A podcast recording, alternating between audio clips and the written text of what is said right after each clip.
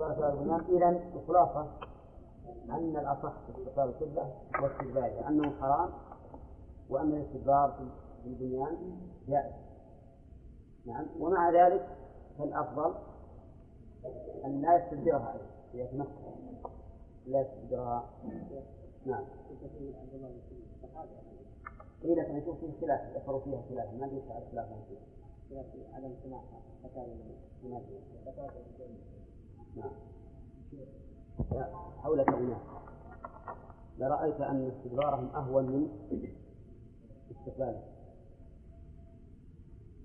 يقول طيب نحن ذكرنا على هذه الجملة أننا نحب أن نتعرض لحكم استقبال القبلة. استقبال القبلة قد يكون حراما كما هنا وقد يكون واجبا كما في الصلاة وقد يكون مكروها كما في حال الخطبة يوم الجمعة مثلا فيكره أن يستقبل القبلة ويخطب الناس يخطب الناس وهم قد خلفهم وراء ظهره وقد يكون مستحبا مثل مثل الدعاء ومثل الوضوء. حتى قال بعض العلماء إن كل طاعة فالأفضل أن يستقبل فيها الكعبة وقبلة إلا بدليل. ولكن في هذا نظر. لأننا إذا أخذنا هذه القاعدة. في العبادات. نعم. الأصل فيها التوقيت. ثم قال المؤلف ولبثه فوق حاجته. لبث هذه معطوفة على استقبال. ها؟ لا ويحرم استقبال القبلة يعني ويحرم لبثه فوق حاجته يعني فوق مقدار حاجته. فيحرم على الإنسان وهو في الخلاء أن يلبث فوق حاجته. بل يجب من حين ما ينتهي أن يخرج. وعلل ذلك بعلتين. العلة الأولى أن في ذلك كشفا للعورة بلا حاجة. والعلة الثانية أن الحشوش والمراحيض هي مأوى الشياطين والنفوس الخبيثة. فلا ينبغي أن يبقى في هذا المكان الخبيث. وقال بعض أهل العلم إنه من الناحية الطبية إنه يدمي الكبد يكون سببا في أن تنصهر الكبد حتى يخرج منها الدم. وعلى كل حال المهم أن هذا أن التحريم اللبس مبني على إيش؟ التعليم. ما في دليل عن الرسول عليه الصلاة والسلام. ولهذا فيه رواية عن الإمام أحمد أنه يكره لبسه فوق حاجته ولا يحرم. وعلى كل حال فإنه إما مكروه وإما حرام. وأما ما يفعله الغربيون وأشباههم يجعلون هذه الكراسي التي يجلسون إليها ويدلون أرجلهم ويأخذ الواحد منهم المجلة نعم والصحيفة وخلي هذا المكان محل قراءة هذه المجلات والصحف نعم. فلا شك أن هذا خلاف العقل خلاف الشرع نعم.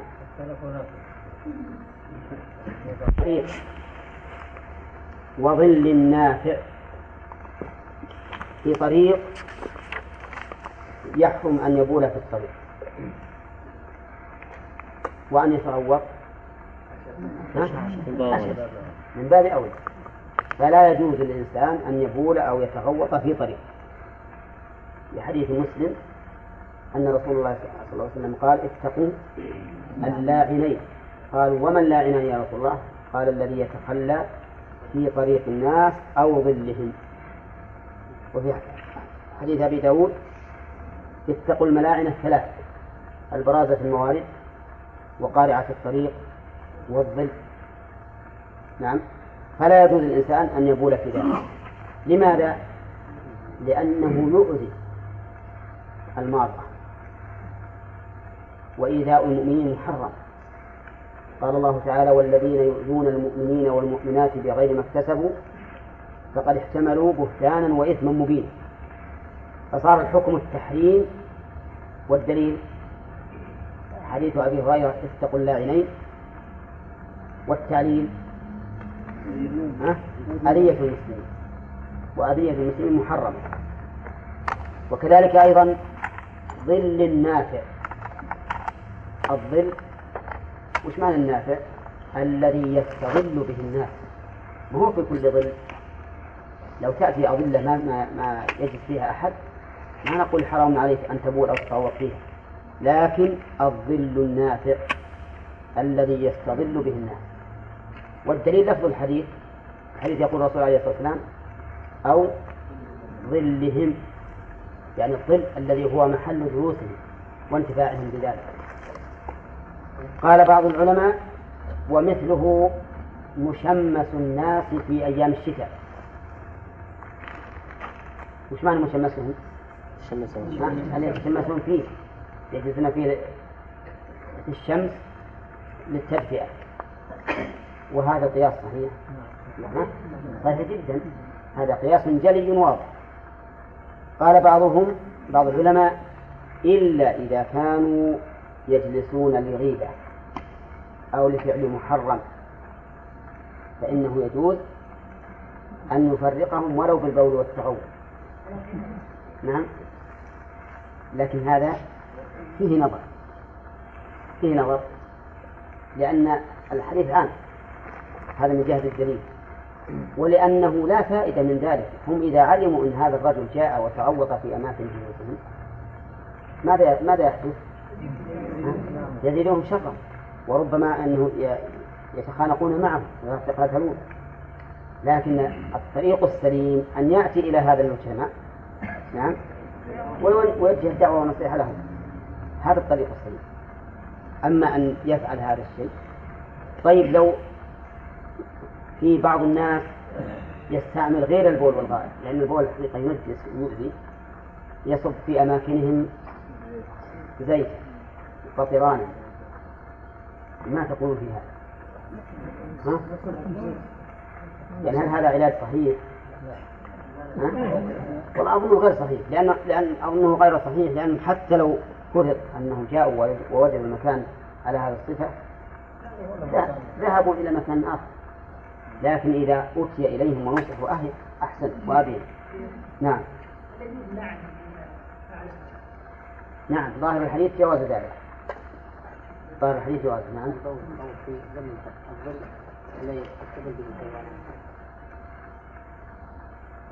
ظاهر الحديث العموم ما دام ظل نافع للناس فهو ما النبول فيه والحيوانات ربما إذا دخلت إذا جاءت لهذا الظل ربما تبرك تربط وتتلوث ضرورها.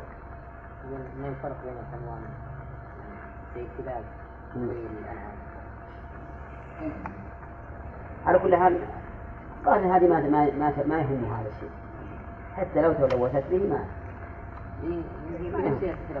ما يهم هذا ما يهم أما الشيء الحيوان المحترم الذي يمكن يحلب أو يركب فهذا يجب تجنبه نعم بغير البول والغائط إيه؟ ما دام انه مثلا عند بيت ويتأذى بهم فهذا يكون ما غرضه أن يسلم هؤلاء من الشر والمحرم لكن غرضه أن يسلم من أذيته فيجوز أن يدافع عن نفسه وعن أذيته بما بما شاء. نعم نعم. نقول إن هذا معالجة الخطأ بالخطأ. ها؟ نقول إن هذا من باب معالجة الخطأ بالخطأ. لا ما هو خطأ. لأن الشارع ينتفع به ليس من هؤلاء الذين يعرفون. لا لا لا هو, هو في الحقيقة ما يؤذي إذا كان الزيت ما يؤذي الماره الظاهر. يؤذي الجالسين فقط.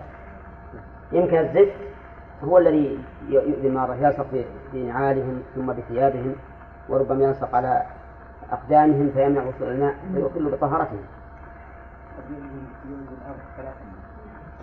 الأسواق الغالب أنها من الغالب أنها ما تنبت نعم وش تقولون في هذا؟ ها؟ طيب ما عنده هو إذا أمكن لكن هذا رجل كما قال. أنا عندي أنه يقول في السيارة ولا يقول في السوق.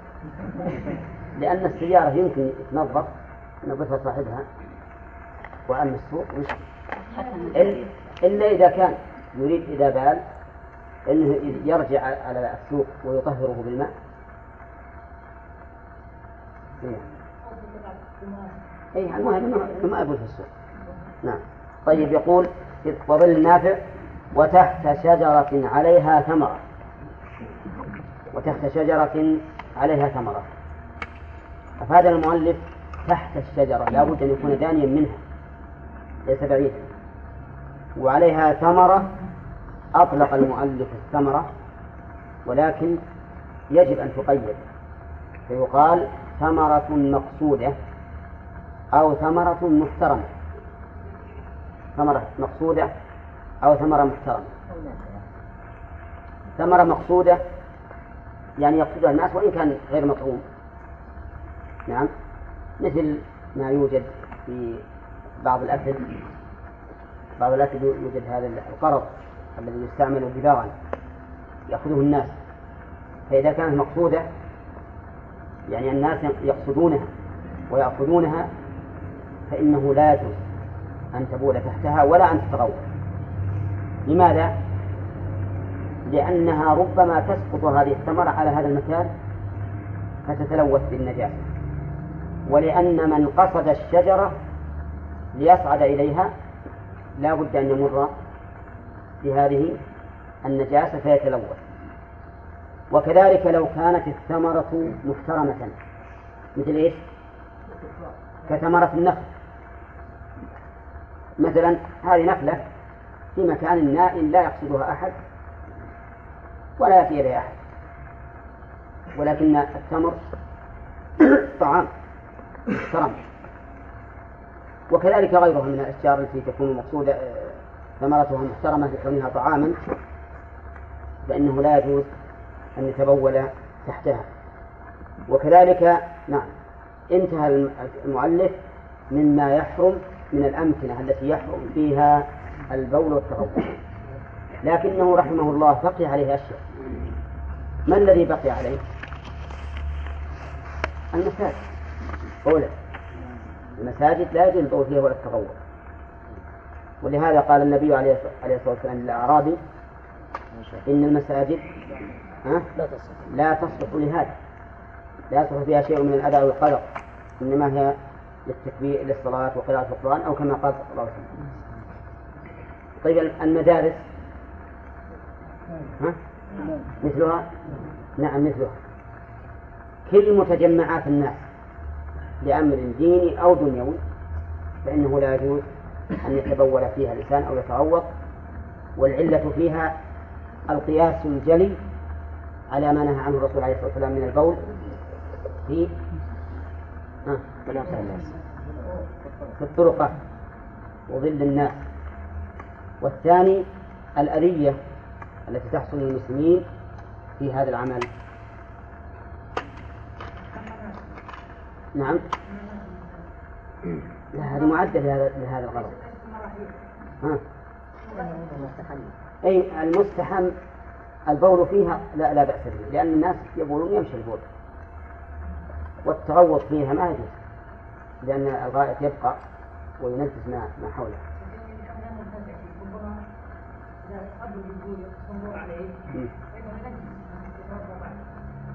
ولا بد لا بد انه ينتظر حتى يذهب. يعني مثلا لو فرض إنه تبول في هذا الم- في هذا المستحم ما يخرج ويدع البول. لابد أن يمشيها. وهذه أيضا الأفضل عدمها لكن أحيانا يح- يحتاج الإنسان إلى ذلك. أحيانا تكون الحمامات مشغولة ويحتاج إلى هذا أو أحيانا يريد أن يتروش يكون عندما عندما يخلع ثيابه يحتاج إلى إلى البول وعلى كل حال كلما كانت الأماكن هذه نزيهه فهو أحسن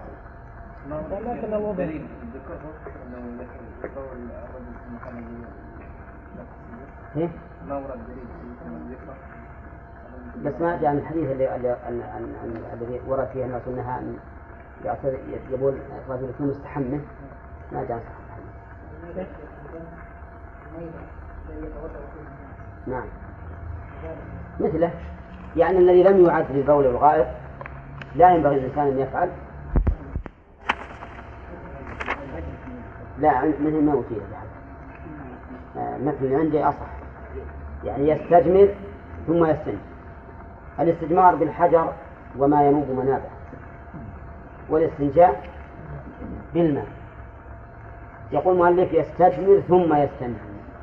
وجوبا لا. ولهذا قال ويجزئه الاستجمار. فالإنسان إذا قضى حاجته لا يخلو من ثلاث حالات. إما أن يتطهر بالماء أو يتطهر بالأحجار أو يتطهر بالحجر ثم الماء. أيهما أكمل طهارة؟ الأخير أن يستجمر بحجر ثم يستنجي بالماء. ولكن لو اقتصر على الحجر اللي هو الاستجمار جاز بالشروط الآتية إن شاء الله. ولو استنجى بالماء جاز على القول الراجح وإن كان وجد فيه خلاف قديم من بعض السلف أنه أنكر الاستنجاء. وقال كيف ألوث يدي بهذه الأنتان والقاذورات؟ ولكن الصحيح أنه جائز وقد انعقد الإجماع عليه بعد ذلك. على أنه يجوز أن يقتصر على الماء. والدليل عليه قول أنس بن مالك رضي الله عنه كان النبي صلى الله عليه وسلم يقضي حاجته فأنطلق أنا وغلام النحو بإداوة من ماء وعنزة فيستنجي بالماء. يستنجي بالماء. نعم. وكذلك حديث المغيرة بن شعبة. فهذا دليل على جواز الاقتصار على الاستنجاء بالماء. وأما التعليل فظاهر لأن الأصل في إزالة النجاسات إنما يكون بالماء. فكما أنك تزيل النجاسة على رجلك أو على شيء من بدنك أو على ثيابك أو على الأرض تزيلها بالماء فكذلك تزيلها بالماء إذا كانت من الخارج منك. ففيه إذا دليل وفيه تعليل. أما الاستجمار بالأحجار فإنها مجزئة أيضا يقتصر عليه. لثبوت ذلك من قول الرسول عليه الصلاة والسلام وفعله. فإن الرسول عليه الصلاة والسلام كان يستجمر بالأحجار دون الماء كما في حديث ابن مسعود رضي الله عنه أن الرسول عليه الصلاة والسلام ذهب يقضي حاجته وطلب من ابن مسعود أن يأتيه بأحجار فأتاه بحجرين وروثة. فأخذ الحجرين وترك الروثة وقال هذه ركس أو ركس وفي رواية قال ائتني بغيرها. فدل هذا على جواز الاقتصار على إيش؟ على الاستجمار وأما الدليل من قوله فحديث سلمان الفارسي رضي الله عنه قال نهانا رسول الله صلى الله عليه وسلم أن نستجمر بأقل من ثلاثة أحجار أو أن نستنجي بأقل من ثلاثة أحجار. وهذا دين على أن أحجار تكفي. أما الجمع بينهما فلا أعلم فلا أعلمه واردا عن الرسول عليه الصلاة والسلام. الجمع بينهما. لكنه من حيث المعنى لا شك أنه أكمل أكمل تطهيرا الله أعلم حرروا هذا. يقول يستجمر ثم يستنجي بالماء ويجزئه الاستجمار إن لم يعد الخارج موضع العادة يجزئه الاستجمار يعني عن الماء. يجزئه الاستجمار عن الماء. فأفادنا المؤلف رحمه الله أن الاستجمار كاف. ويدل لذلك فعل الرسول عليه الصلاة والسلام وقول الرسول صلى الله عليه وسلم. أما فعل الرسول عليه الصلاة والسلام فكما في حديث ابن مسعود رضي الله عنه أن النبي صلى الله عليه وسلم أتى الغائط وأمره أن يأتي بثلاثة أحجار. فوجد حجرين ولم يجد الثالث فأخذ روثة فذهب بها إلى الرسول عليه الصلاة والسلام. فأخذ الحجرين وألقى الروثة وقال إنها ركس إنها ركس فدل ذلك على أنه يجزئ الاستجمار بالحجر. وكذلك حديث أبي هريرة أنه جمع للنبي عليه الصلاة والسلام أحجارا وأتى بها في ثوبه فوضعها عنده ثم انصرف. وهو في الصحيح. فهو دليل أيضا على أنه يجوز يجزئ الاستجمار. ويدل لذلك أيضا حديث سلمان الفارسي رضي الله عنه. وفيه أن الرسول عليه الصلاة والسلام نهى أن نستنجي بأقل من ثلاثة أحجار. هذا قوله فثبت إجزاء الاستجمار بقول الرسول عليه الصلاة والسلام نعم وبفعله. وهو مما يدل لقول شيخ الإسلام ابن تيمية رحمه الله أن النجاسة إذا زالت بأي مزيل كان طهر المحل. وقد سبق لنا ذلك عند قول المؤلف ها عند قول المؤلف يا حافظي متن الزاد. لا لا يرفع الحدث ولا يزيل النجس الطارئ غيره. ها؟ نعم أي الماء يقول لا يزيل غيره. لا يزيل النجس الطارئ غير الماء. نعم؟ وذكرنا هناك قلنا لكم إنهم يقولون في التيمم إنه مبيح لا رافع. وكذلك في الاستجمار يقولون إنه مبيح لا رافع. أنا أرجو وأكرر أن لا تنسوا ما مضى. نعم. المهم على كل حال هذا مما يؤيد قول شيخ الإسلام ابن تيمية رحمه الله أن النجس متى زال بأي مزيل كان؟ فهو المحل. وقوله أقرب إلى المنقول والمعقول من قول من يقول إنه لا يزيل النجس إلا إلا الماء الطهور. نعم. يجزي الاستجمار. اشتراط المؤلف للاستجمار شروطا. قال إن لم يعد الخارج موضع العادة. إن لم يعد الخارج موضع العادة. موضع العادة يعني الذي جرت العادة بأن البول ينتشر إليه من رأس الذكر وبأن الغائط ينتشر إليه من داخل الفخذين. الصفحتين اللتين على حلقة الدبر. نعم هذا موضع العادة. فإن انتشر إن تعدى موضع العادة فإنه لا يجزئ إلا الماء. ما يجزئ الاستثمار. حطيتوا بالكم؟ طيب ما هو الدليل على هذا الشرط؟ يقولون ليس هناك دليل لكن هناك تعليل. وهو أن الاستجمار خرج عما يجب من إزالة الماء النجاسة بالماء. فهو خارج عن القاعدة. وما خرج عن القاعدة فإنه يقتصر فيه على ما جرت به العادة. عرفتم؟ فيقال ما خرج عن العادة وانتشر إلى محل زائد هذا ما ورد فيه الاستجمار. إنما يحمل الاستجمار على إيش؟ على الشيء المعهود المعتاد. لماذا؟ لأن الأصل في النجاسة أن تزال بماذا؟ بالماء. اقتصر على الاستجمار فيما جرت به العادة لأنه هو الظاهر. وما خرج عن العادة فإنه لا لا يجزئ فيه إلا الماء. طبعا واضح الآن؟ أعيد التعليل مرة ثانية. يقولون لأن الاقتصار على الأحجار ونحوها في إزالة البول والغائط خرج عن نظائره ولا لا؟ ها؟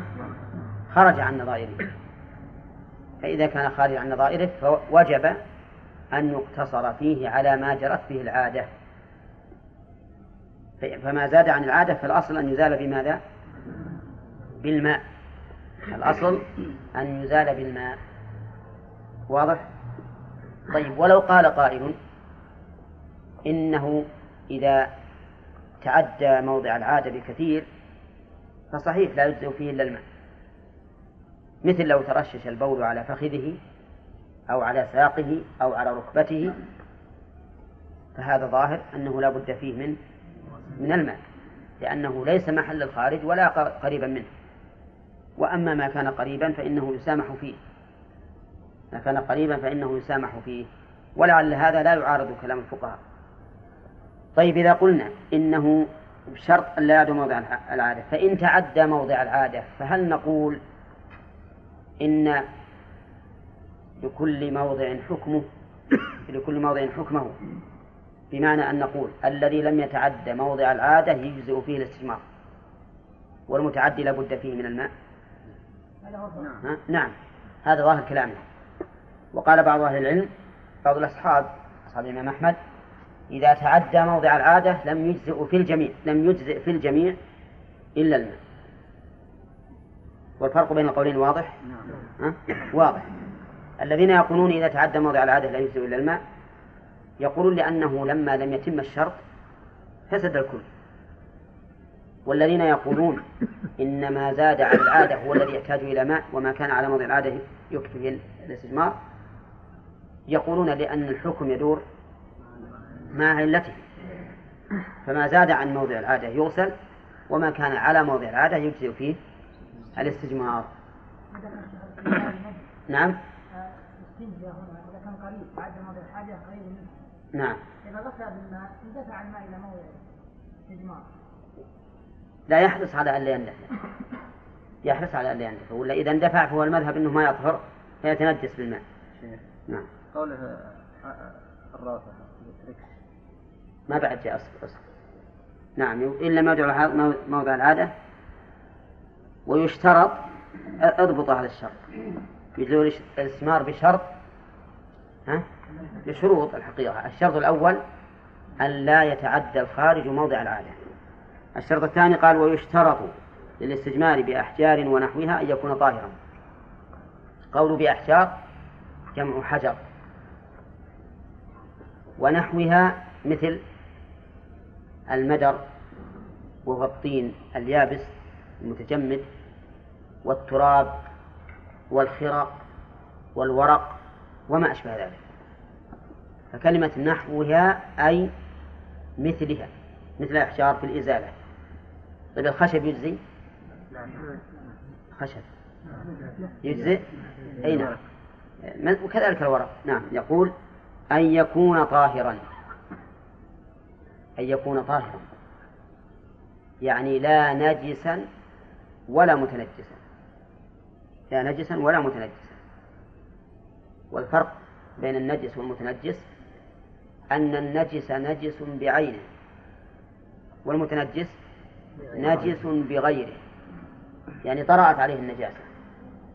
فيشترط أن يكون طاهرا يعني لا نجسا ولا متنجسا. ما الدليل؟ على اشتراط على اشتراط على اشتراط أن يكون طاهرا. عندنا دليل وعندنا تعليل. أما الدليل فحديث ابن مسعود الذي أشرنا إليه قبل قليل. ألقى الروثة وقال إنها ركس والركس بالكاف والركس النجس. هذا واحد. ثانيا قوله في حديث أبي هريرة نهى رسول الله صلى الله عليه وسلم أن يستنجى بعظم أو روث وقال إنهما لا يطهران. إنهما لا يطهران. فدل هذا على أنه لا بد أن يكون المستنجى به المستجمر به طاهرا. لأن ما لا يطهر لأن النجس هو خبيث فكيف يكون مطهرا؟ إذا عندنا دليل دليل وتعليل. التعليل هو كما قلت الأخيرة أخيرا إن النجس هو خبيث والخبيث لا يجعل الخبيث طيبا. هنا أن يكون طاهرا. الثاني منقيا منقيا يعني يحصل به الإنقاء منقيا يعني يحصل به الإنقاء. فإن كان غير منق لم يجزئ. وش الدليل؟ أو تعليل؟ تعليل لأن المقصود في الاستجمار هو الإنقاء بدليل أن الرسول عليه الصلاة والسلام نهى أن يستنجى بأقل من ثلاثة أحجار. كل هذا طلبا للإنقاء. ولأن النبي عليه الصلاة والسلام قال في الذي يعذب في قبره إنه لا يستنزه من البول أو لا يستتر من البول أو لا يستبرئ من البول. ثلاث روايات. عرفتم؟ طيب لابد أن يكون منقيا. فإن لم يكن منقيا لم يجزي والذي لا ينقي إما أن يكون لا ينقي لملاسته. إذا كان أملس جدا فإنه لا ينقي. بل لا يزيد الطين إلا بالله لأنه إذا مسحت به وانجر إلى ما وراء الحلقة مثلا أو أو الحشبة يلوثها ولا لا؟ نعم يلوثها. وكذلك ما لا ينقي لرطوبته. لرطوبته. هذا ما ما يجزي. لو كان رطبا أتى الإنسان بمدر رطب أو حجر رطب ما ينقي أي كالطين. طيب وكذلك لو كان المحل قد نشف يمكن ندخل بهذا الشرط ولا لا؟ لا يمكن. لأنه هو الحجر هنا هو بنفسه صالح للإنقاذ لكن المحل غير صالح للإنقاذ ولا لا؟ فلو كان بعد ما يبس وش الفائدة من الحجر؟ فهو غير منقي فيمكن أن نجعل أن نجعل قوله غير منقيا أن نجعل المفهوم يدخل فيه ثلاثة أشياء. ما لا ينقي ها؟ لملاسته. وما لا ينقي لرطوبته. وما لا ينقي لجفاف المحل. لأن الحجر إذا ورد على محل جاف لا يحصل به إنقاء. أليس كذلك؟ طيب. أن يكون طاهرا منقيا غير عظم وروث. غير عظم وروث. هذا شرط. أظن ما أدري كم يصير. آه، اللي يتعدى موضع العادة. وأن يكون طاهرا وأن يكون منقيا الشرط الرابع. أن يكون غير عظم وروث. وهذا الشرط عدمي. ولا وجودي؟ عدمي. لأن كلمة غير تدل على النفي. يعني لا عظما ولا روثا. ما هو الدليل وما هو التعليل؟ الدليل أدلة مو واحد. أن الرسول عليه الصلاة والسلام نهى أن يستنجى بالعظم أو الروث. كما في حديث سلمان وابن مسعود وأبي هريرة ورويفع وغيرهم. حديث كثيرة عن الرسول عليه الصلاة والسلام تدل على أنه لا يجوز الاستجمار بالعظم أما التعليل فنقول إن التعليل إن كان العظم عظم مذكات إن كان العظم عظم مذكات فقد بين النبي عليه الصلاة والسلام العلة في ذلك. فإن هذا العظم يكون طعاما للجن. لأن الرسول عليه الصلاة والسلام قال لهم لكم كل عظم ذكر اسم الله عليه أوفر ما تجدونه لحما.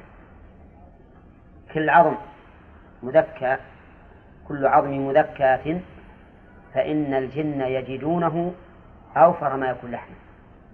سبحان الله العظيم. ونحن قد أكلناه وراح اللحم الذي فيه. لكن الذي خلقه أول مرة قادر على أن يكسوه مرة أخرى. لمن؟ لعباده من الجن.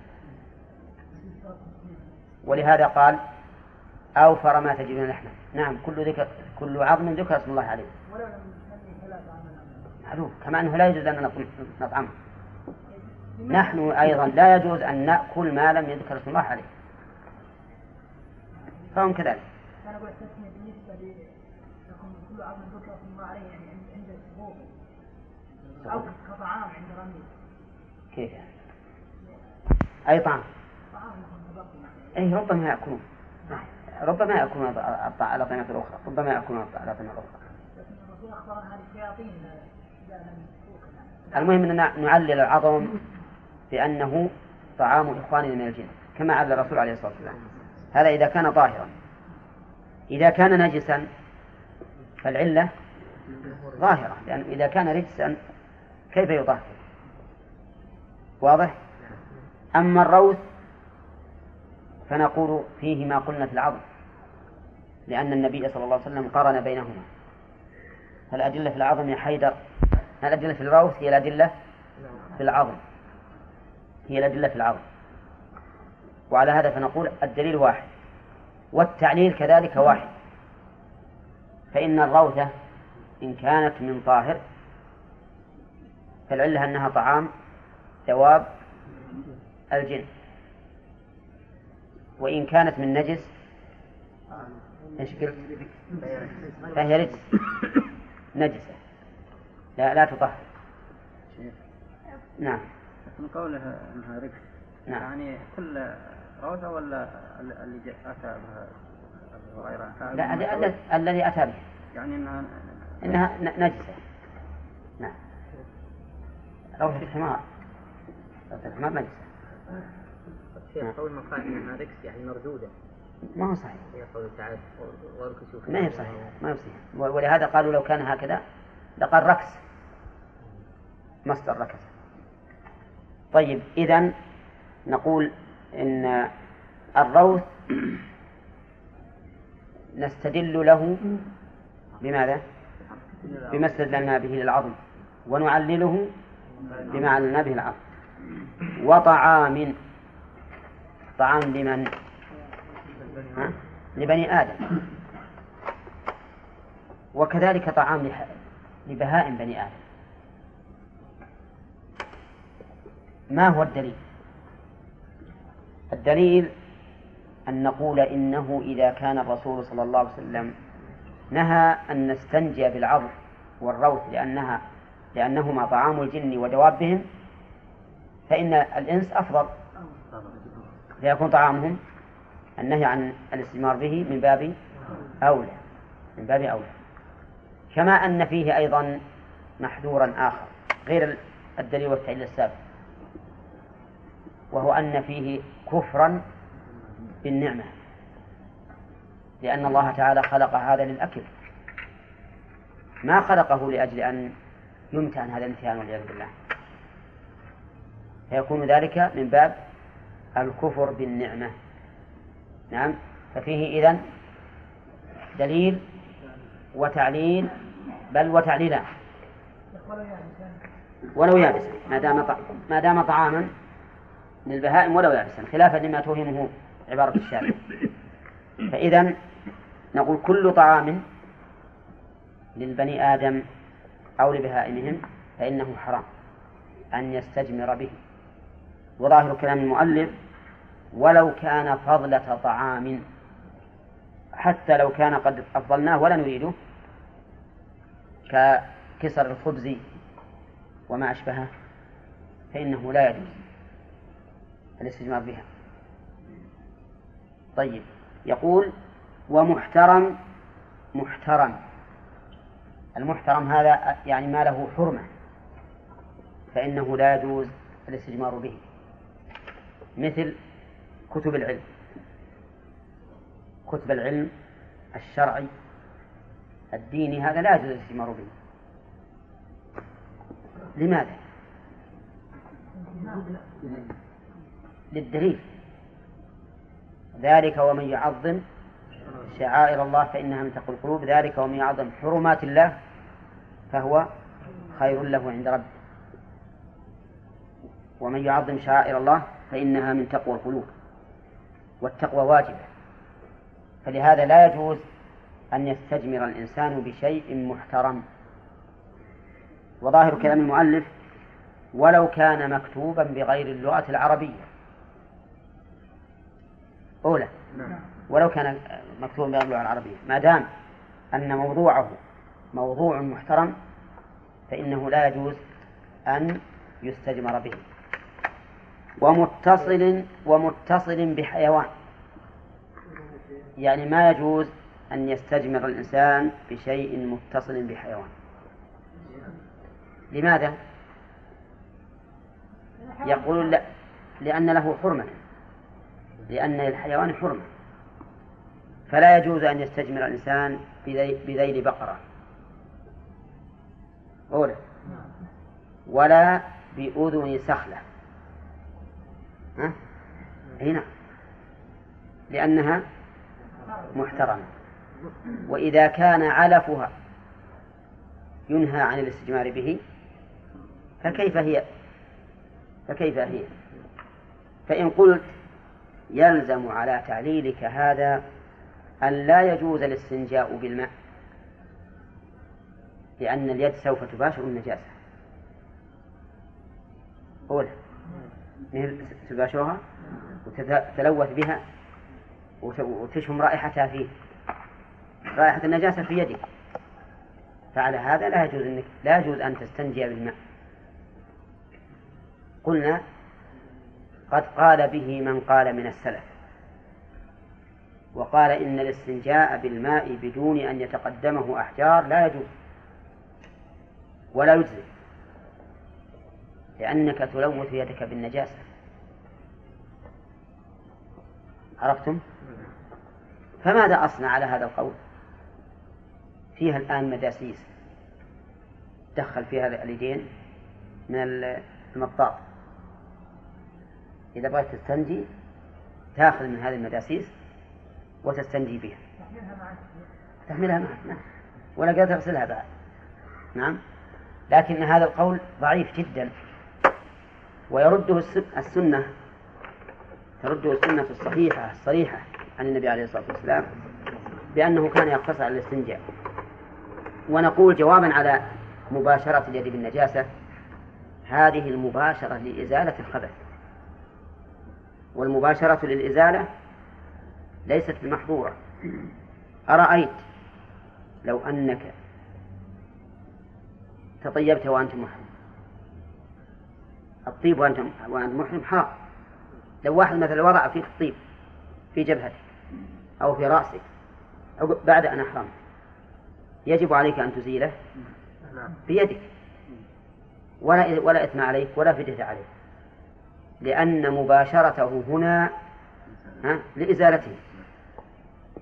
ورجل آخر يعني هذا مثال مثال ثاني. مثال ثالث رجل غصب أرضا غصب أرضا. وصار يتمشى فيها. في يوم من الأيام وهو في وسط الأرض. تذكر العذاب والعقاب وأن الإنسان يحمل هذه الأرض من سبع أراضين فتاب إلى الله. توبة نصوح. من شرط التوبة النصوح أن ينزع الإنسان عن الذنب فورا. هذا الرجل قال ماذا أصنع؟ إن بقيت في مكاني ها؟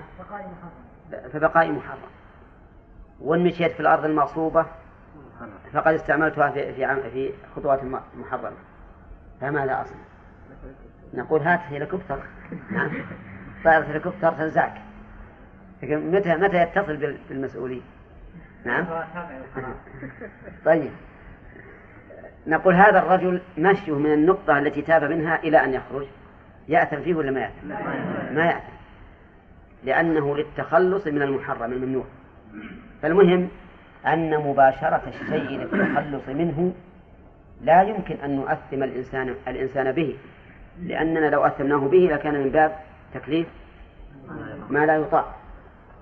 وعلى هذا فنقول إذا أورد علينا مورد كيف تقولون إنه يحرم الاستجمار بمتصل بالحيوان وأنتم تبيحون للإنسان أن يمس ذلك النجس بيده عند الاستنجاء؟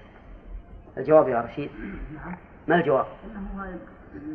فعذاب يزيله ليزيله فهو للتخلص منه ولكن وليس للتلوث به. فرق بين من يباشر للتخلص منه ومن يباشره للتلوث به. نعم. ومتصل بحيوان. طيب حيوان. نجس ولا طاهر؟ ها؟ كل واحد. النجس والطاهر. فلو استجمر الإنسان في ذيل بعيره فهو كما لو استجمر في ذيل حماره. نعم. كلاهما محرم. طيب الشروط كم الآن؟ سبعة. يشترط أن لا يعدم الخارج موضع العادة. وأن يكون طاهرا منقيا غير عظم غير عظم طيب تجعلون روث وما عطف عليه واحد لأنه داخل في حيز النفي.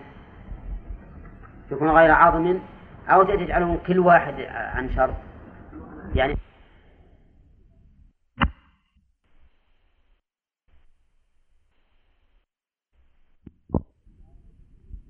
صار خمسة بالإضافة إلى الأربعة تكون تسعة. عظم روح طعام محترم متفق. خمسة مع الثلاثة الأولى ثمانية. نعم ثمانية. نعم. قد يوهم من سمع حديث ابن مسعود. نعم. وقد يوهم أنه يقول إن النبي صلى الله عليه وسلم شبه بالحجرين. نعم. إي نعم. ما. هذا الإيهام يرده حديث سلمان الفارسي ألا نستجيب بأقل من ثلاثة أحجار. نعم. بعدين في رواية نعم. أنه أمره أن يقرأ غيرها اي نعم. نعم هذه أيضا إذا إذا كان هكذا وصح يزول الإشكال. مع أنه لا إشكال فيه في الحقيقة. إحنا قد ذكرنا لكم قاعدة أن النصوص المشتبهة تحمل على المحكم في كل شيء في القرآن وفي السنة. فإذا جاء مثل ما يوهم أن شيئا فعل على غير شرطه والشرط محقق فإن نعمل بماذا؟ بالمحكم المحقق نعم. ثبت أنه قال بثالث بحجر ثالث. نعم. ومسلم الامام احمد الصحه والحافظ طيب.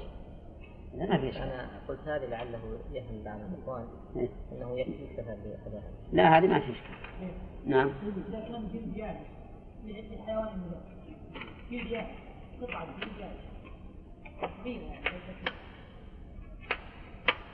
الحيوان المذكى وما ما ينتفع به. ما ينفع قطعة صغيرة. فظاهر كلام المؤلف أنه لا بأس به. لأنه قال متصل بحيوان.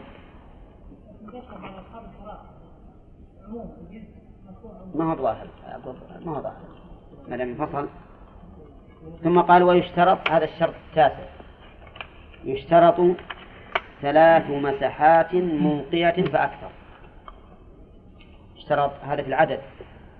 يشترط ثلاث ثلاث مسحات منقية فأكثر. المؤلف يقول ثلاث مسحات والأحاديث الواردة ثلاثة أحجار. فهل نقول إن كلام المؤلف رحمه الله مخالف للأحاديث أو موافق؟ ننظر. الدليل على اشتراط ثلاث مساحات ما هو؟ الدليل هو حديث سلمان الفارسي رضي الله عنه في صحيح مسلم قال نهى رسول الله عليه الصلاة والسلام أن نستنجي بأقل من ثلاثة أحجار. أن نستنجي بأقل من ثلاثة أحجار. والمراد بالأحجار هنا أن لكل حجر مسحة لأن الأحجار قد يكون الحجر الواحد له جهات متعددة شعب. ولهذا قال المؤلف ولو بحجر ذي شعب فنحن نعرف العلة والسبب في أن الرسول عليه الصلاة والسلام اشترط ثلاثة. آه الأحجار لأجل أن لا يكرر الإنسان المسح على وجه واحد. لأنه إذا كرر المسح على وجه واحد يستفيد ولا لا؟ لا يستفيد بل ربما يتلوث زيادة. ربما يت- يتلوث زيادة. فلهذا لابد من ثلاثة أحجار. طيب لو أنقى بدونهم ها. فلا بد منه. لا بد منه. وقال بعض أهل العلم إنه إذا أنقى بدونها كفى. لأن لأن الحكم يدور مع علته. ولكننا نقول إن الرسول عليه الصلاة والسلام نهى أن نستنجي بأقل من ثلاثة أحجار. بأقل من ثلاثة أحجار. وإذا كان نهى فإنه يجب أن لا نقع فيما نهى عنه. واضح؟ ولأن الغالب الغالب أنه لا إنقاء بأقل من ثلاث ولأن الثلاث كمية رتب عليها الشارع كثيرا من الأحكام. نعم لو فرض أن الخارج يابس يبوسا لا يؤثر فيما مر عليه. فهنا لا يحتاج أصلا إلى استنجاء أو استجمار لأنه ما في شيء نزيله حتى نقول إنه لا بد من الاستجمار أو الاستنجاء. وقوله ولو بحجر ذي شعب لو هل هي رفع لرفع التوهم أو للخلاف؟ لدفع الخلاف. هي لدفع الخلاف. لأن بعض أهل العلم اقتصر على الظاهر في هذا في هذا الحديث وقال لا بد من ثلاثة أحجار. لا بد من ثلاثة أحجار. والراجح ما ذهب إليه المؤلف لأن العلة معلومة. فإذا كان حجرا ذا شعب واستجمر بكل جهة منه صح. نعم. طيب لو قلنا اشرنا على الظاهر ما هو أولى. أي لأن قال الرسول هكذا لأنه قد لا يتأتى بل إن الأكثر أنه لا يتأتى حجر ذو شعب, ذو شعب ثلاث يكفي الاستماع حتى لو صار له شعب لأن ما من حجر إلا له زوايا لكن هذه الشعب تكون صغيرة. يعني بمعنى أنه ما يمكن أن يستجمر به. وهذا يكون على المعتاد الغالب. نعم.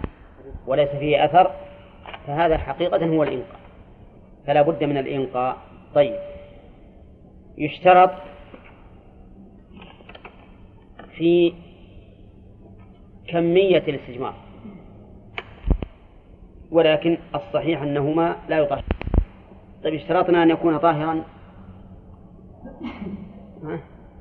وأتينا بالدليل. لا يطهر. إنه من باب الاحترام. لأنه إذا كان عارفا محترما فهي أولى بأن تحترم. نعم. مع أن بعض أهل العلم يقول إن أنه لا ليس هناك دليل على التحريم وأن الإنسان لو لو استجمر بذلك. وأنقى فلا حرج. نعم. وإذا وصل إلى إلى إلى المحل الماء يغسله. لكن نحن نقول حتى لو كان ما هناك دليل ظاهر على التحريم فالأولى التنزه عنه والبعد عنه. طيب. اصبر يا أخي طيب يشترط أنه بعض العلماء استدل بحديث مسعود على جواز الاستثمار بأقل وقال إذا حصل الإنقاء فإنه لا لا يلزم أكثر من الإنقاء ولكن ما دام الحديث ورد في رواية أحمد يأتي بغيرها وحديث سلمان صريح أن نستنجي بأقل من ثلاثة أحجار. فإنه لا يمكن أن يؤخذ بهذا الدليل المشتبه ويلغى الدليل المحكم.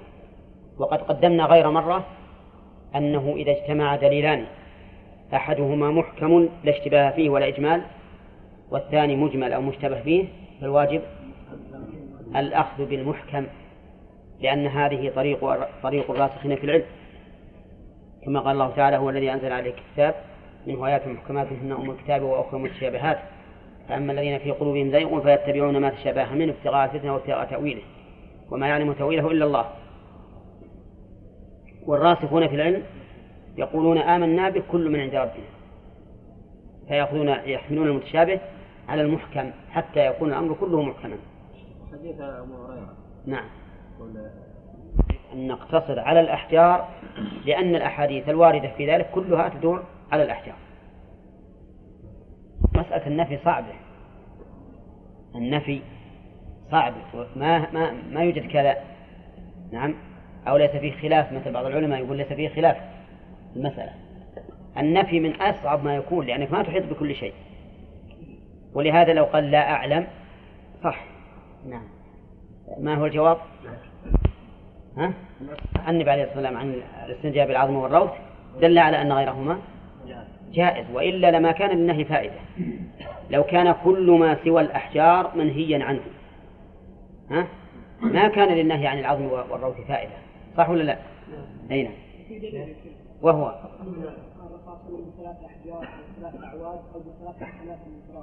هذه هذا من أفراد ابن ماجه وأظن فيه ضعف. الدار قضني إيه ما أدري عن صحته. لكن على كل حال إن صح هذا الحديث فهو واضح. في الموضوع نعم. لكن إذا لم يصح فإننا نقول النهي عن الاستنجاء بالحجر آه، بالعظم والروث يدل على جواز الاستنجاء بكل ما عدا ما عداه. طيب. نعم. يشترط نبدأ بالدرس الآن. مع أني يا أخوان أنا ودي من المناقشة هذه. والله يشترط ثلاث يشترط ثلاث مساحات منقية. ثلاث ولا ثلاثة؟ بالرفع نائب. نائب فاعل. والشرط في اللغة. الشرط في اللغة العلامة. وأما في الشرع الشرط في اللغة العلامة. ومنه قوله تعالى فهل ينظرون إلا الساعة أن تأتيهم بغتة فقد جاء أشراطها وأما في الاصطلاح فهو ما يلزم من عدمه العدم ولا يلزم من وجوده الوجود. يقول يشترط يشترط يعني للاستجمار وإجزائه عن الماء ثلاث مساحات منقية. ثلاث مساحات على كل المكان. على كل المكان. وإنما قيدت ذلك لأن بعض أهل العلم رحمهم الله قالوا إن الرسول اشترط ثلاثة ثلاثة أحجار لأجل أن يكون حجر للصفحة اليمنى وحجر للصفحة اليسرى وحجر لحلقة الدبر. وعلى هذا القول يكون المسحة لكل واحد. مسحة واحدة ولكن هذا ليس بصحيح. الصحيح أنه ثلاث مسحات تعم المحل. ثلاث مسحات تعم المحل. منقية وسبق أن الإنقاء هو أن يبقى أثر لا يزيله إلا الماء أو هو أن يرجع الحجر غير مبلول يابسا. قال فأكثر. أكثر من الثلاث؟ كيف يشترط ثلاث فأكثر؟ يعني لو قال قائل هذا تناقض. ثلاث فأكثر. إذا وش المعتمد؟ ثلاث ولا الأكثر؟ نقول المعنى الكلام أن لا ينقص عن ثلاث. ثلاث إن أنقت فأكثر إن لم تنقي الثلاث لأن قد لا تنقي بمسحتي بثلاث مسحات بل لا, بل لا تنقي إلا بأربع أو خمس أو ست. طيب. ودليل ذلك سبق. حديث سلمان. قال ولو بحجر ذي شعب. لو هذه إشارة خلاف. ولو بحجر ذي ذي بمعنى صح شعب جوانب. الشعبة الجانب يعني ولو بحجر له جوانب. فيمسح من جانب مرة ومن جانب مرة ومن جانب مرة. هكذا مسحات وقال بعض أهل العلم لا بد من ثلاثة أحجار. لا بد من ثلاثة أحجار اعتمادا على ظاهر الأدلة. لأن ظاهر الأدلة ها؟ ثلاثة أحجار. وأن نستنجي بأقل من ثلاثة أحجار. ولما جاء ابن مسعود بحجرين قال ائتني بحجر. فدل هذا على أنه لا بد من ثلاثة أحجار. فمن تمسك بالظاهر قال لا بد من ثلاثة أحجار نستجمر بحجر ونلقيه ونأخذ الثاني ونلقيه ونأخذ الثالث. نعم لأن هذا أكمل بلا شك أكمل في الطهارة. إذ أن الحجر ذا الشعب قد ي... قد ي... يعني قد يكون في أحد الجوانب شيء من المسحة الأولى وأنت ما علمت به. فيكون الأحجار كل حجر منفرد أحسن. ومن نظر إلى المعنى والشرع كله معنى وعلل وحكم. قال إن الحجر ذا الشعب كالأحجار الثلاثة. إذا لم تكن الشعب متداخلة بحيث إذا مسحنا مع شعبة اتصل التلويث بالشعبة الأخرى. كان كل شعبة متميزة عن الأخرى فإنه يجزي وهذا هو الصحيح. لأن لأن الشرع معاني. لا مجرد ألفاظ. يسن قطعه أي قطع الاستجمار أي عدده. على وتر فإذا أنقى بأربع زاد خامسة. زاد خامسة. إذا أنقى بست يزيد سابعة. إذا أنقى باثنتين يزيد ثالثة. نعم. أو ما يصلح هذا؟ هذا ما يصلح لأن الاستجمار ثلاث واجب. مو سنة. وقد سبق أن بعض أهل العلم قال إنه لا يشترط الثلاث إذا حصل الإنقاء بدونها. واستدل بحديث ابن مسعود. وسبق الجواب عنه. وبينا أن حديث ابن مسعود فيه أن الرسول أمره أن يأتيه بحجر وعلى هذا فلا يكون فيه دليل. وقوله يسن قطعه على وتر ما هو الدليل؟ الدليل قوله صلى الله عليه وسلم فيما ثبت في الصحيحين من استجمر فليوتر. من استجمر فليوتر. واللام للأمر. فإن قلت إن الأصل في الأمر الوجوب وهذا يقتضي وجوب الإيتار. قلنا نعم الأصل في الأمر الوجوب. فإن أريد بالإيتار الثلاث فالأمر على ما هو عليه للوجوب. لا بد أن يستجمر بثلاث. وإن أريد ما زاد نعم فهو للاستحباب. ويدل لذلك قوله عليه الصلاة والسلام من استجمر فليوتر من فعل فقد أحسن ومن لا فلا حرج. فبين الرسول عليه الصلاة والسلام أن هذا على سبيل إيش؟ الاستحباب. إلا في الثلاث. فإنها على سبيل الوجوب كما سبق من حديث سلمان الفارسي. أمرنا ألا نستنجي بأقل من ثلاثة أحجار. ثم قال ويجب الاستنجاء لكل خارج. هذا بيان حكم الاستنجاء. وما يجب له الاستنجاء فقال يجب الاستنجاء واجب. وهل المراد بالاستنجاء هنا تطهير المحل بالماء أو ما هو أعم من ذلك؟ الجواب ما هو أعم من ذلك يعني تطهيره بالماء أو بالأحجار واجب. ما هو الدليل على وجوب الاستنجاء؟ الدليل أمر النبي عليه الصلاة والسلام علي بن أبي طالب أن أن يغسل ذكره لخروج المدي والمدي نجس. وأيضا قد يقال إن قوله من استجمر فليوتر يدل على الوجوب وقد يعارض في ذلك ولكن حديث سلمان واضح في الوجوب. أمرنا ألا نستنجي بأقل من ثلاثة أحجار. ولكن يقول المؤلف لكل خارج من أين؟ من السبيلين. أما ما خرج من بقية البدن فإنه يغسل. إلا إلا ثلاثة أشياء. الريح فإنه لا يجب الاستنجاء لها. لأن الريح لا تحدث أثرا بل هي هواء. هواء فقط فلا تحدث أثرا في المحل. إذا لم تحدث أثرا في المحل فإنه لا يجب أن نغسله لأن غسله حينئذ نوع من العبث الريح سواء كان لها صوت أم لم يكن طاهرة. الريح طاهرة وإن كانت رائحتها خبيثة. وقال بعض أهل العلم إنها نجسة. نعم. وما الذي يترتب على هذا؟ يترتب على لا يترتب على هذا لو خرجت منك وثيابك مبلولة فإنها ستلاقي رطوبة. فإن قلنا إنها نجسة وجب غسلها. وإن قلنا طاهرة فلا يجب. ولا نقول إنه يترتب على ذلك ما ذكره بعض الفقهاء.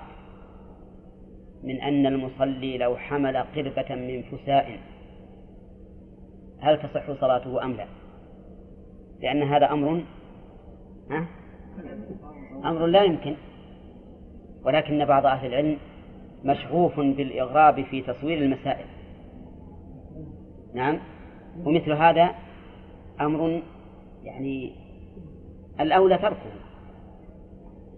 لأنه قد يعاب على الفقهاء أن يصوروا مثل هذه الصور النادرة التي قد تكون مستحيلة.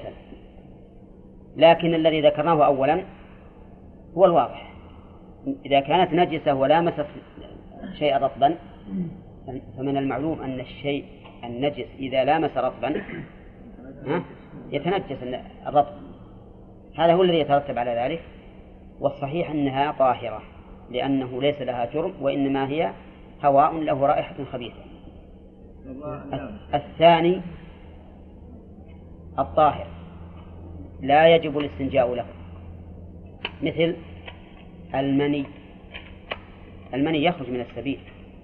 فهو داخل في عموم قوله لكل خارج لكن الطاهر لا يجب الاستنجاء له. والتمثيل ظاهر في المني. الثالث غير الملوث غير الملوث. إذا خرج شيء لا يلوث يعني يابس مرة ما يلوث وهذا الله أعلم بإمكانه. لكن إن أمكن فإنه لا يجب له الاستنجاء لأن نعلم أن الاستنجاء المقصود منه ها؟ النظافة والطهارة وهذا ليس ليس بحاجة إلى ذلك. فصار الاستنجاء واجب لكل خارج من السبيلين إلا ثلاثة أشياء وهي؟ الريح والطاهر وغير الملوث طيب لو كان هذا الخارج شيئا نادرا يعني يندر خروجه لكن خرج مثل أن يخرج منه حصاة هل يجب الاستنجاء له؟ إن كان إن لوثت فإنه يجب الاستنجاء لدخولها في عموم كلام المؤلف وإن لم تلوث فإنه لا لا لا, لا يجب الاستنجاء لعدم الحاجة إليه. نقول هذا نقول هذا لأجل إن أمكن. طيب يقول ولا يصح قبله وضوء ولا تيمم. لا يصح قبله أي قبل الاستنجاء وضوء ولا تيمم.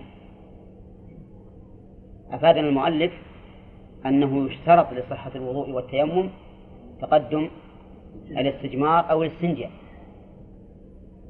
وهذا يحتاج إلى دليل فما هو الدليل؟ لا أحد يشك أن فعل الرسول عليه الصلاة والسلام هو أنه يقدم الاستجمار على الوضوء هذا هو المعروف من فعل الرسول عليه الصلاة والسلام. ولكن هل مجرد الفعل يقتضي الوجوب؟ سبق لنا أن مجرد الفعل لا يقتضي لا يقتضي الوجوب إلا إذا كان بيانا لمجمل من القول يدل على الوجوب. إذا كان لمجمل من القول يدل على الوجوب فهو دال على الوجوب. بناء على النص المبين. أما إذا كان مجرد فعل فالصحيح الراجح عند أهل العلم أنه ليس للوجوب وإنما هو الاستحباب لكن فقهاءنا رحمهم الله استدلوا على ذلك بحديث علي بن أبي طالب رضي الله عنه أن الرسول عليه الصلاة والسلام قال له انضح فرجك وتوضأ أو اغسل ذكرك وتوضأ. فقالوا قدم ذكر غسل الذكر.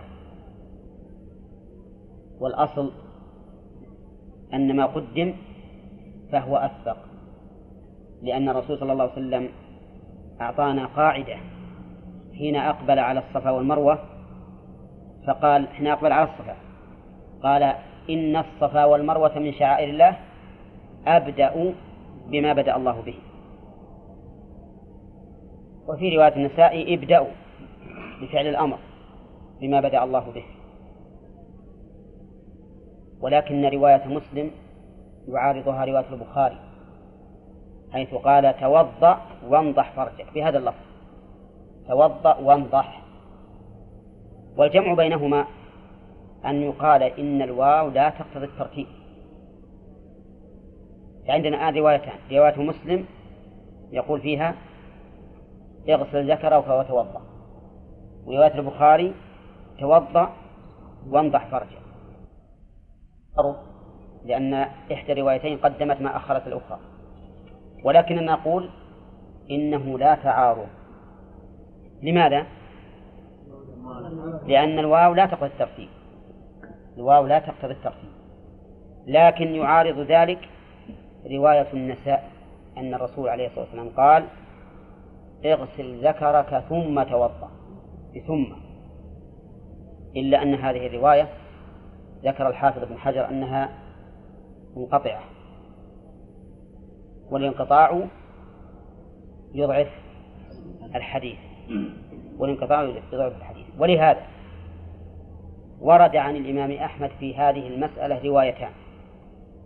رواية أنه يصح الوضوء والتيمم قبل الاستنجاء. ورواية أخرى أنه لا يصح. والمذهب أيهم أيتهما المذهب؟ أنه لا يصح. لكن فيه رواية ثانية شرح الموفق وابن أخيه شارح المقنع على أنه يصح الوضوء والتيمم قبل الاستنجاء. وهذه المسألة إذا كان الإنسان في حال السعة فإننا نأمره أولا بماذا؟ بالاستنجاء ثم بالوضوء لكن أحيانا تأتي المسألة في غير سعة مثل أن ينسى الإنسان أن يستجمر استجمارا شرعيا أو أن يستنجي. يعني بال وتيبس نشف المحل لكن مو على السبيل المطلوب. يعني مسحه مرة أو مرتين وتنقى. ثم بعد ذلك لما جاء الوقت توضأ بدون استنجاء. على الم... ثم صلى. ماذا يجب عليه المذهب؟ ها؟ يجب عليه أن يعيد أولا يستنجي ثم يتوضأ ثم يصلي يعيد الصلاة. وعلى القول الثاني لا يجب عليه لأن الوضوء صحيح لكن يجب عليه الآن أن يغسل النجاسة يستنجي. لكن الاستجمار هنا متعذر. سبب؟ لجفاف المحل. والاستجمار ما يصح إذا جف المحل. وعلى هذا فنقول على القول الثاني أزل النجاسة فقط. ووضوءك صحيح وصلاتك صحيحة فنحن نقول اللي أرى في هذه المسألة أنه ما دام الإنسان في سعة فلا يقدم الوضوء على الاستنجاء. وذلك لفعل الرسول عليه الصلاة والسلام. وأما إذا حدث أمر كهذا وقع نسيانا أو جهلا أو ما أشبه ذلك فإنه لا لا يجسر الإنسان على أمره بالإعادة وإبطال وضوئه وصلاته. القول بنجاسة الريح إذا صار الثياب إذا صارت يابسة؟ إيه الثياب ما ما يضر. ما يضر. لا. طيب الحديث العلي ولا المقداد؟ المقداد. قاله المقداد لكن المقداد مصريها علي. نعم. إذا قلنا القول بأنه لا يلزم أن تصح الصلاة إذا توضأ ثم نعم. لكن كيف تصح الصلاة وهو متلبس في شيء من النجاسة؟ أي نعم نعم. هو قد قد تزول النجاسة افرض أنه استجمر بحجر أزالها مرة بمسحة واحدة. يطهر هذا القول الراجح إذا زالت النجاسة طهرت بأي شيء. لا لا لازم ثلاث أحجار. لازم من ثلاث مسحات. حتى لو أنقى بمسحتين لا بد من ثالث. المقصود المعنى لا المقصود المعنى ولا بد من ثلاث مسحات. هذا رجل مسح مسحتين وأنقى مرة طهر؟ ولكنه شرعا ما يكفي هذا من أن هذا لا يعتبر حكمه حكم الخارج من من السبيل فلو خرج منه ريح ما تنقض الوضوء لو خرج منه ريح ما تنقض الوضوء يبقى على طهارته. وأما إذا خرج شيء نجس فهو معروف أنه ينقض الوضوء لأن النجس إذا خرج من أي بدن من أي مكان من البدن أفسد الوضوء. نعم. أي نعم.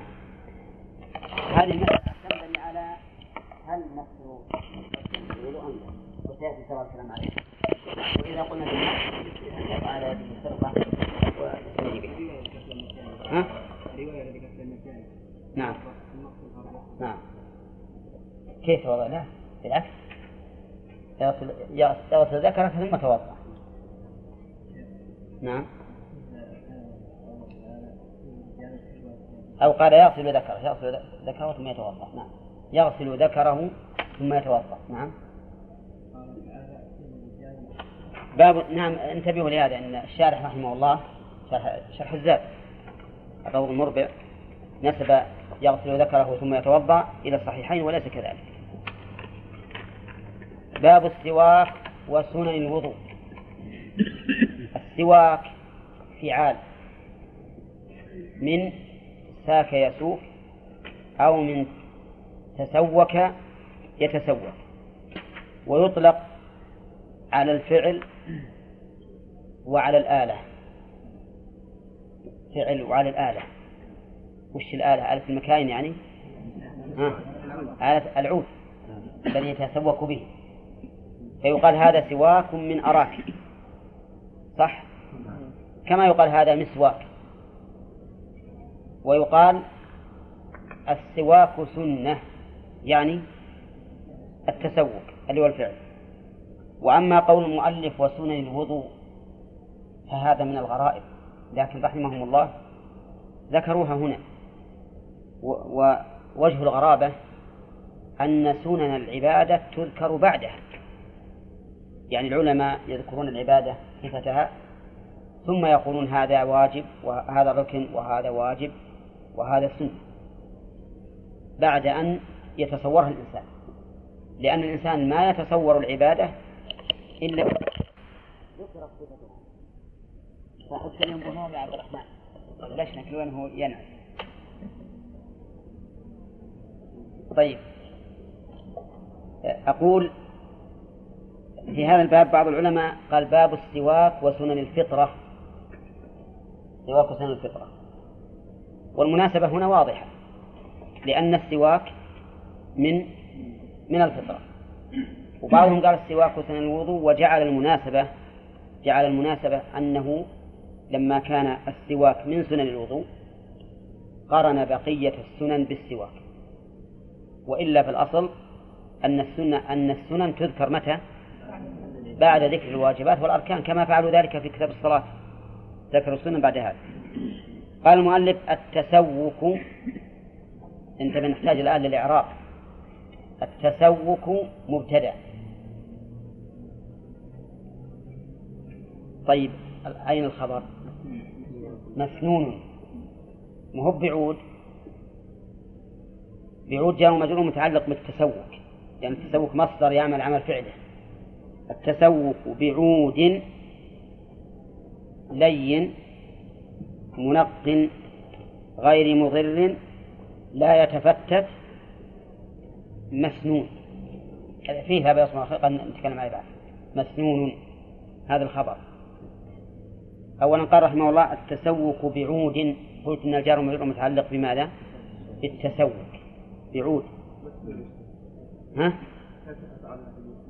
لا. لا لا. التسوق يعني تسوقه بعود يعني إذا استأك بعود. نعم. التسوق بعود كلمة بعود دخل فيها كل أجناس العيدان. نعم. سواء كان من جريد النخل أو من عراجينها أو من أغصان العنب أو من غير ذلك. يشمل كل عود. فهو جنس شامل لجميع الأعواد. وما بعده من القيود فإنها فصول تخرج بقية الأعواد. فخرج بقوله عود التسوك في الخرق والأصابع فإنه ليس بسنة. على ما ذهب إليه المؤلف. الثاني لين وش خرج به؟ خرج به بقية الأعواد القاسية. هي اليابسة. القاسية. الأعواد القاسية هذه لا يتسوق بها. لماذا؟ لأنها أولا لا تفيد فائدة العود اللين وثانيا أنها قد تضر تضر اللثة إن أصابتها وتضر الطبقة التي على العظم الأسنان تحكها حكا. هذا واحد. ثانيا منق منق هنا عود ما ينقي. نعم. يقولون العود اللي ما, له شعر مثل رطب رطوبة قوية ما هي نقطة تمر على على أسنانك ما ما يفيدها شيئا. لكثرة مائه وقلة شعره التي تؤثر على إزالة الوسخ. طيب غير مضر.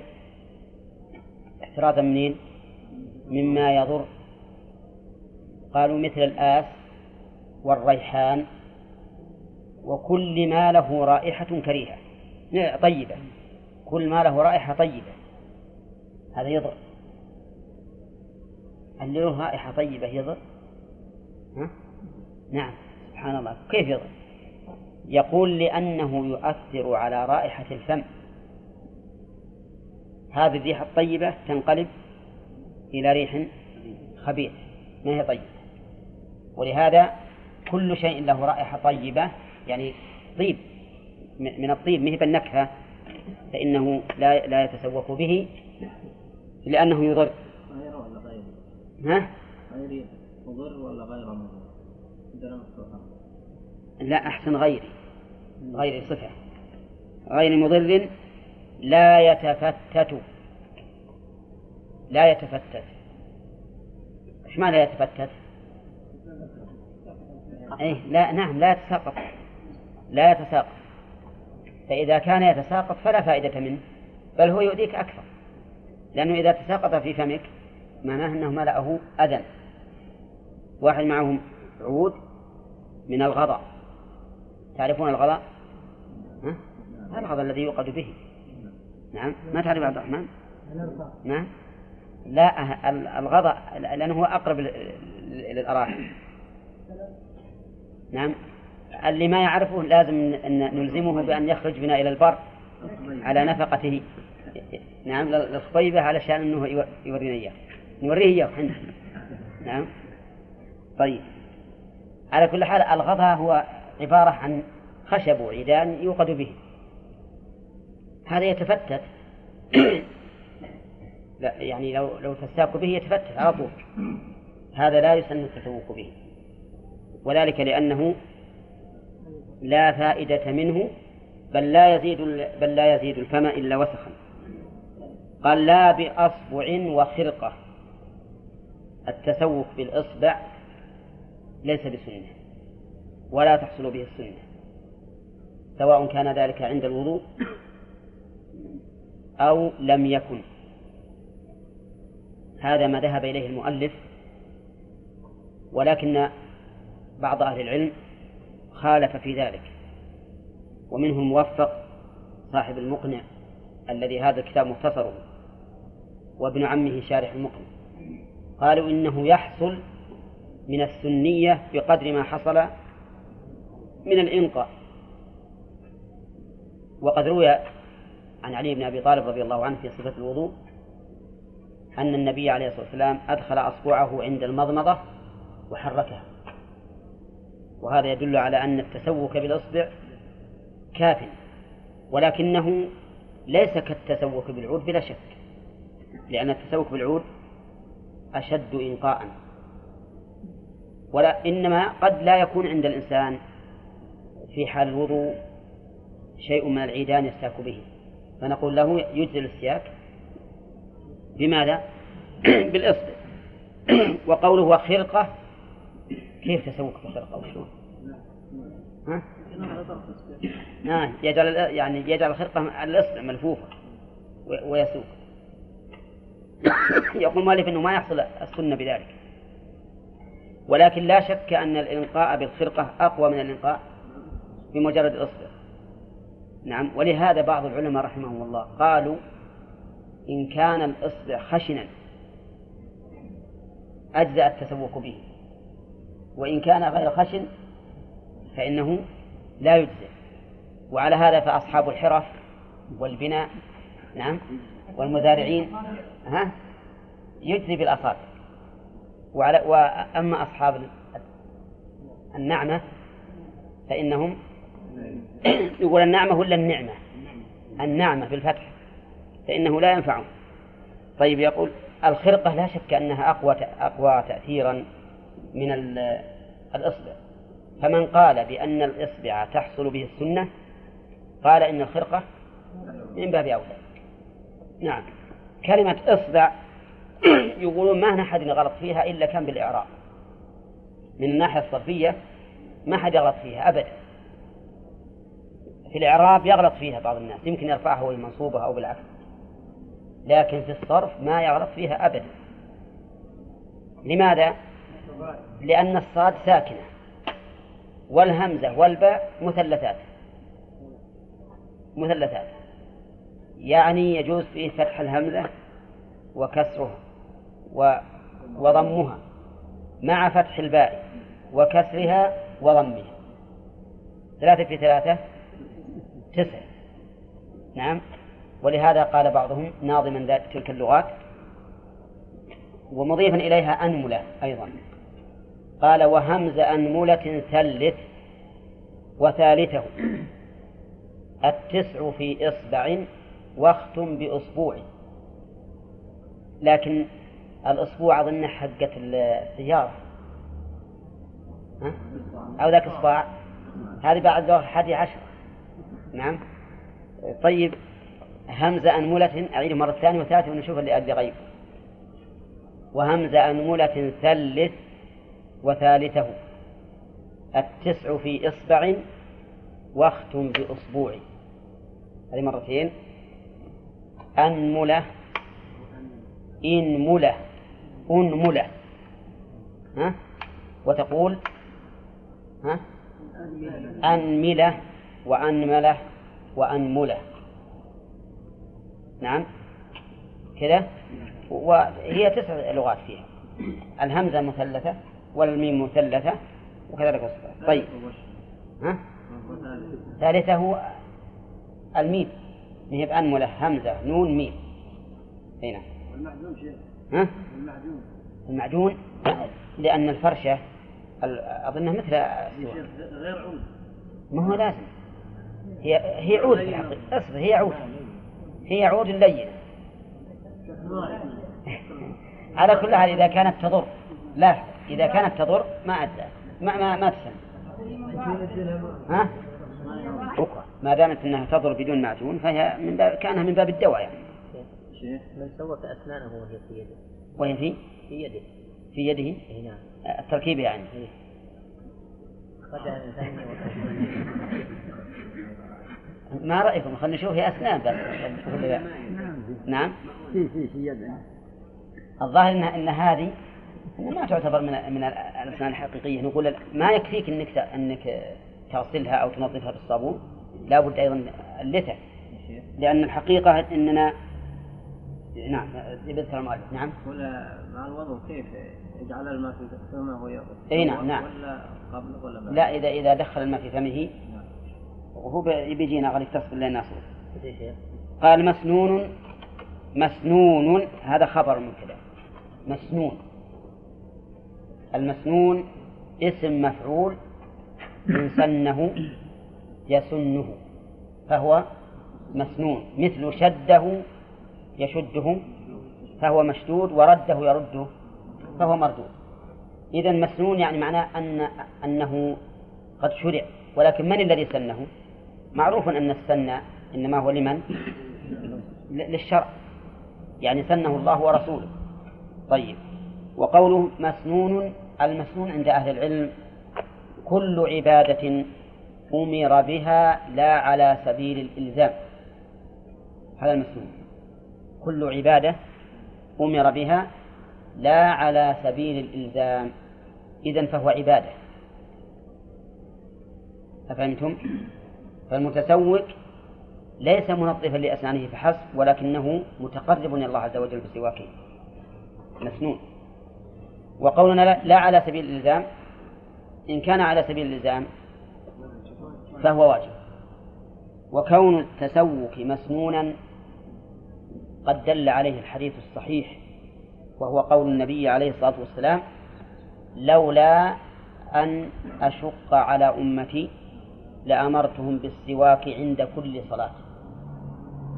يقول لولا أن أشق لأمرت. يدل على أنه ليس بواجب لأنه لو كان واجبا لشق عليه. ولكن هل يدل على أنه ليس بمسنون؟ لا. يدل على أنه مسنون مأمور به ولولا المشقة لكان واجبا لأهميته. وقول المؤلف كل وقت كل وقت بالليل والنهار؟ ها؟ في الليل والنهار. ما هو الدليل؟ إذا قول النبي عليه الصلاة والسلام في حديث عائشة شيئا كثيرا السواك مطهرة للفم القيوم القائم بنفسه. للرب القائم على مطهرة للفم مرضاة كما للرب قال الله تعالى أفمن هو قائم على كل نفس بما كسبت؟ كمن لا يقوم بذلك؟ من القائم على كل نفس بما كسبت؟ الله عز وجل.